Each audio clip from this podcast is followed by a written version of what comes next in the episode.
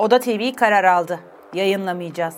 Seçim süreci sürüyor. Bugün ağırlıklı olarak seçim propaganda aracı ne televizyonlar ne de yazılı basın. Bugün tüm partilerin yer almak istediği mecra sosyal medya.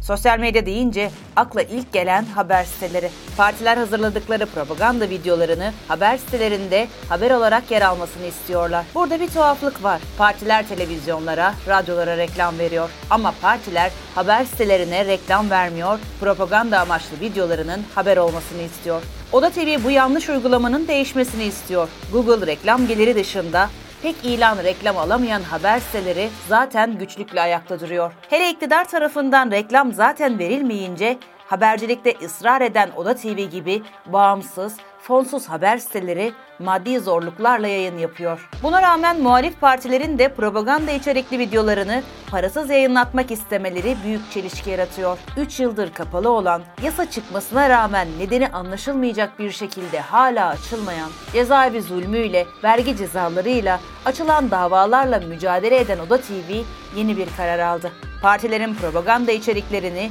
videolarını haber başlığı altında yayınlayacak.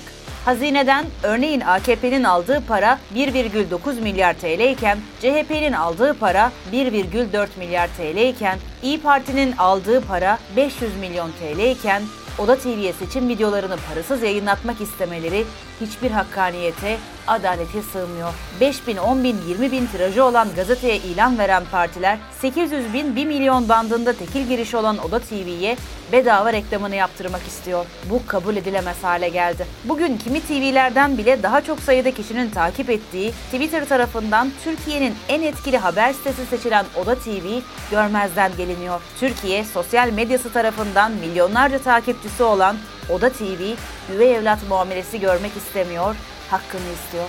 Sonuçta biz Oda TV olarak karar aldık. Partilerin propaganda amaçlı reklamlarını yayınlamayacağız. Umarız diğer bağımsız haber siteleri de bu kararı alır.